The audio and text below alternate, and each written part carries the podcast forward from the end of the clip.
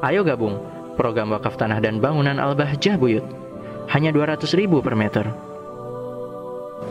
Sesuatu yang dititipkan di dalam hati manusia akan tampak kepada perilaku dohirnya.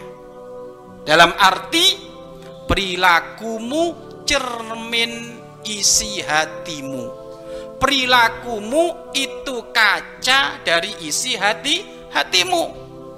Makanya kalau seseorang sekarang mulutnya kok berkata jujur, berkata, berkata kebaikan, maka itu cermin dari isi hati hatinya. Matanya kok tidak pernah melihat yang haram, itu cermin dari isi hati hatinya. Begitu juga sebaliknya, jika ada orang yang mulutnya kotor, tangannya suka maksiat, anggota tubuhnya suka maksiat, ini juga pancaran dari isi hati hatinya. Jadi hati itu raja bagi anggota tubuh kita. Maka kapan hati itu isinya baik, maka semua anggota tubuhnya akan ba akan baik. Kalau ada dohirnya orang baik, jasadnya baik tapi hatinya enggak, berarti itu muna, munafik. Dan orang yang seperti itu tidak bakal istiqomah.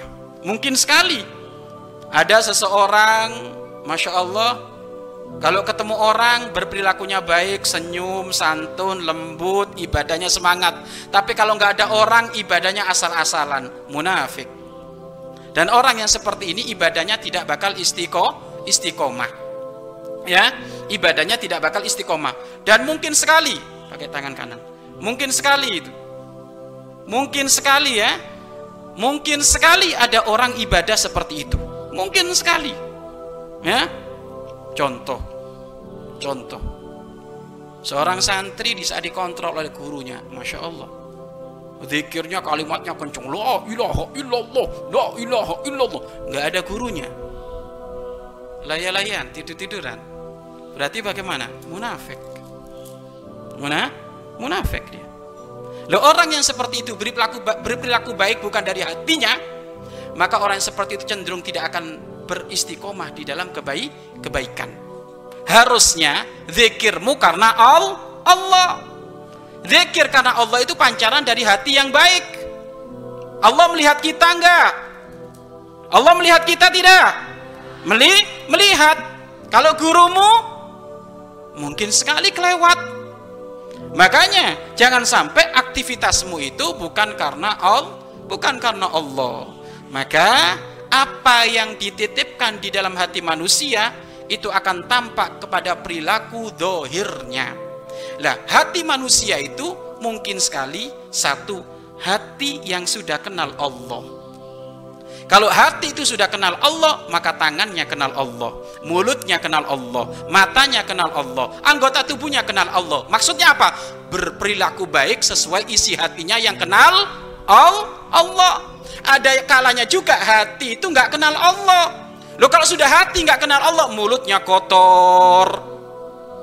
Kalau sudah hati nggak kenal Allah, matanya kotor.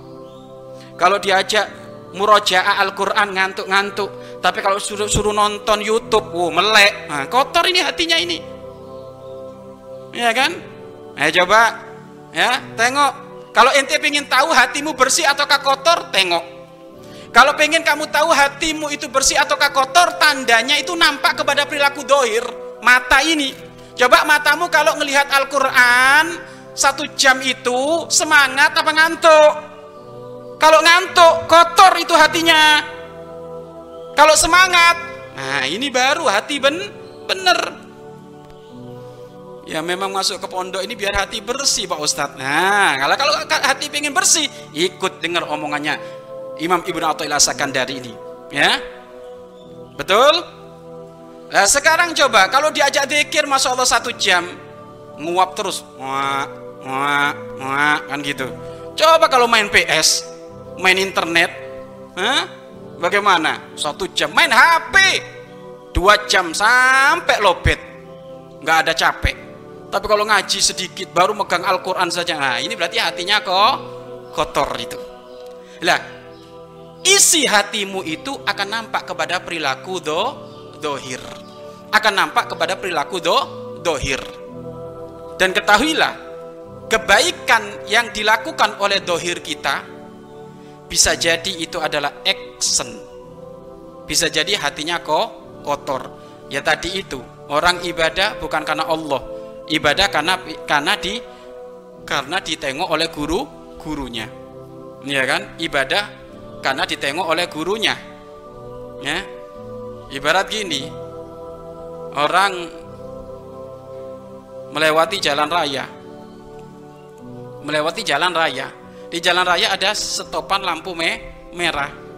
Setopan lampu me merah. Sudah tahu kalau lampu merah itu nggak boleh nggak boleh nero nerobos. Tapi dia oleh kanan kiri. Oh nggak ada orang penjaganya. Akhirnya nero nerobos. Akhirnya nero nerobos berarti orang ini seperti itu kira-kira hatinya baik atau kotor? Hatinya baik atau kotor? Kalau ada orang ya ada orang ada orang melewati lampu merah ya kan? Sudah tahu lampu merah itu tanda berhenti berhenti. Menoleh ke kanan ke kiri karena pak polisinya nggak ada akhirnya nerobos. Kira-kira adakah kamu yang berprasangka itu hatinya baik sampai nerobos kayak gitu? Gitu itu karena saking hatinya kotor atau apa? Eh nyambung nggak kamu itu? Hah?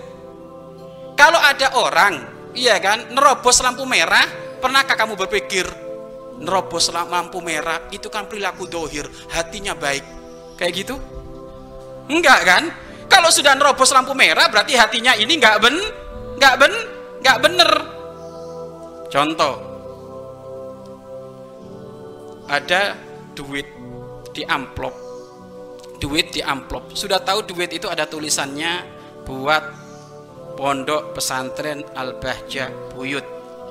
Buat pondok pesantren Al-Bahja Bu Buyut. Diketemukan ada di gerbang pintu sana. Tiba-tiba ada seseorang menemukan tiba-tiba tidak dikasihkan kepada pesantren tiba-tiba diambil sendiri. Kira-kira kalau ada melakukan seperti itu kira-kira itu pancaran dari hati baik atau hati jelek kalau ada orang ngomong itu kan dohirnya yang penting hatinya. Masuk nggak orang kayak gitu nggak masuk kan? Orang beb bebel. Artinya apa?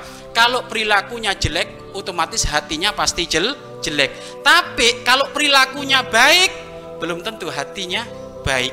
Kenapa? Bisa jadi dia action pura bu? Pura ya kan? Pura bu? Pura ya contoh tadi itu ya kan? Di saat dikontrol gurunya tiba-tiba dia semah semangat. Gak dikontrol gurunya nyantai. Makanya yang berperilaku baik mungkin sekali hatinya kropos tapi kalau tidak berperilaku baik itu pasti hatinya kro kropos. Ya maka dari sini bisa kita pahami perilaku baik itu pancaran dari isi ha isi hati. Isi hati yang bagaimana? Yang kenal Allah yang nggak kenal Allah maka tidak akan baik perilakunya. Lewong yang kenal Allah saja Uang yang kenal Allah saja mungkin oh, berperilaku baik saja mungkin pancaran dari hati yang yang yang kropos alias alias tidak kenal Allah apalagi yang yang melakukan kejelek yang kejelekan. Jadi intinya adalah sesuatu yang dititipkan di dalam hati itu akan tampak kepada perilaku dohir kita. Maka dari sini kita dianjurkan untuk membersihkan hati kita, ya Dianjurkan kita untuk membersihkan hati kita. Kamu jangan repot membersihkan alis, hidung, baju. Memang baju, alis utamanya dibersihkan. Tapi yang paling penting bersihkan apa yang ada dalam hatimu itu loh. Itu yang dibersihkan. Makanya kata Imam Ghazali rahimahullah taala di dalam kitabnya Ayuhal Ayuhal Walad, hendaknya kamu mengutamakan membersihkan roh, menghidupkan roh daripada menghidupkan jasadmu. Ya, utamakan menghidupkan roh. Kenapa? Karena hati ini tempat Allah meman, memandang. Hati ini sentral, raja bagi anggota tubuh kita. Loh kalau hati ini bagus, hati ini baik, maka semuanya aktivitasnya adalah ba baik. Maka kita diajarkan oleh Imam Ibnu Athaillah As-Sakandari hendaknya kita fokus untuk membersihkan hati. Ada dendam dihilangkan, dendam di dalam hatinya. Ada sombong dihilangkan, Bagaimana cara memerangi penyakit hati dengan mujahadah? Ya, dengan mujahadah. Seperti apa? Mungkin sekali mungkin ada kesombongan, ya sudah kalau ada sombong, suruh bebersih saja. Bersihkan kamar mandi biar dia nggak cician, ya kan?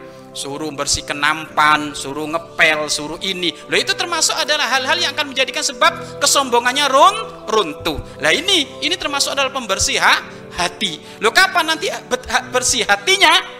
Maka kalau sudah bersih hatinya akan muncul perilaku-perilaku yang ba yang baik Mungkin di antara kita ada yang menemukan kenapa fulan bin fulan itu kok baik ya? Baik sekali dermawan. Kok bisa fulan itu baik dermawan? Loh itu karena hatinya bah, baik. Sesuatu yang dititipkan oleh Allah di dalam hatinya kebaikan karena dia kenal Allah akhirnya dia menjadi bah, baik. Kenapa itu kok kejam?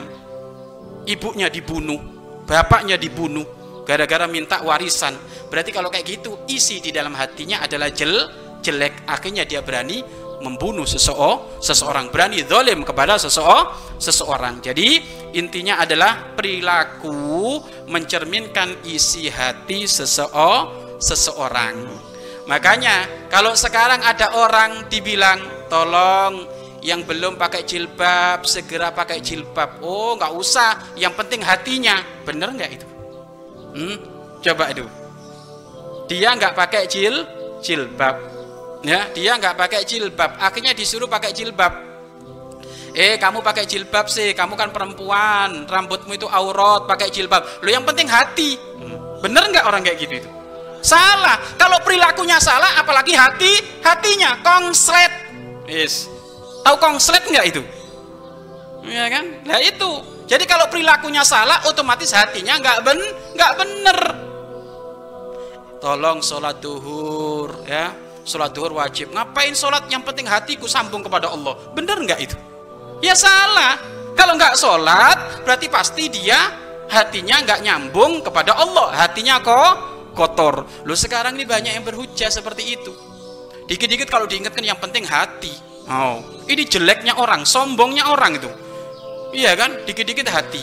Siti Fatimatus Zahra radhiyallahu anha orang yang paling hatinya bersih orang yang paling bagus hatinya. Bagaimana beliau? Menutup aurat memakai jil jilbab. Hah? harusnya hati yang baik itu menutup aurat ya baru bisa dikatakan hati yang ba yang baik. Kadang saja yang menutup aurat khawatir itu menjadi gaya-gayaan. Lah ini nggak menutup aurat katanya hatinya baik nggak nyambung. Ya tidak nyam tidak nyambung. Makanya kalau ada anak diingatkan yang penting kan hati. Berarti ini orang bebel bebel dan som sombong. Ya kan? Ada santri makan pakai tangan kiri. Makan pakai tangan kiri makan pakai tangan kiri minum pakai tangan kiri. Diingatkan oleh temennya kenapa kok minum makan pakai tangan kiri? Itu kan minumnya setan. Iya kan? Oh nggak apa-apa yang penting hati. Bener? Hah? yang penting ha? Hati. Bener kayak gitu nggak bener. Ya kan? Harusnya apa? Eh kenapa nggak minum pakai tangan kiri? Iya mohon maaf lupa. Saya kodok minum pakai tangan kanan. Nah gitu. Ya? Karena kalau seperti itu nanti orang berhujah terus. Dan hujahnya adalah hujah menunjukkan kebodohannya. Pokoknya kalau ada orang salah lah kok berhujah? Itu menunjukkan dirinya semakin bodoh. Iya kan? Sudah salah berhujah berhujah. Apalagi berhujahnya urusan ha, hati. Emangnya kamu tahu urusan hati Iya kan? Urusan hati yang tahu adalah Allah. Akan tetapi, walaupun urusan hati ini yang tahu adalah Allah, akan nampak kepada perilaku dohir, ki, dohir kita. Jadi mulut yang indah itu pancaran dari isi ha, hati. Mulut yang kotor itu juga dari pancaran isi ha, isi hati. Mungkin sekali ada orang, Pak Ustadz itu orang kok ngomongnya kotor terus, jorok terus, gimana? Itu pancaran dari isi hatinya kan hatinya nggak kenal Allah sehingga ngomongnya jorok kotor. Tapi ada orang masya Allah nggak berbicara kecuali solawat nggak berbicara kecuali zikir kepada Allah tidak berbicara kecuali menyebut nama-nama nama-nama Allah subhanahu wa taala. Berarti hatinya kenal Allah. Maka dia tidak sempat melakukan hal-hal yang diharamkan oleh Allah subhanahu wa taala. Mari berinfak untuk operasional lembaga pengembangan dakwah Bahjah Buyut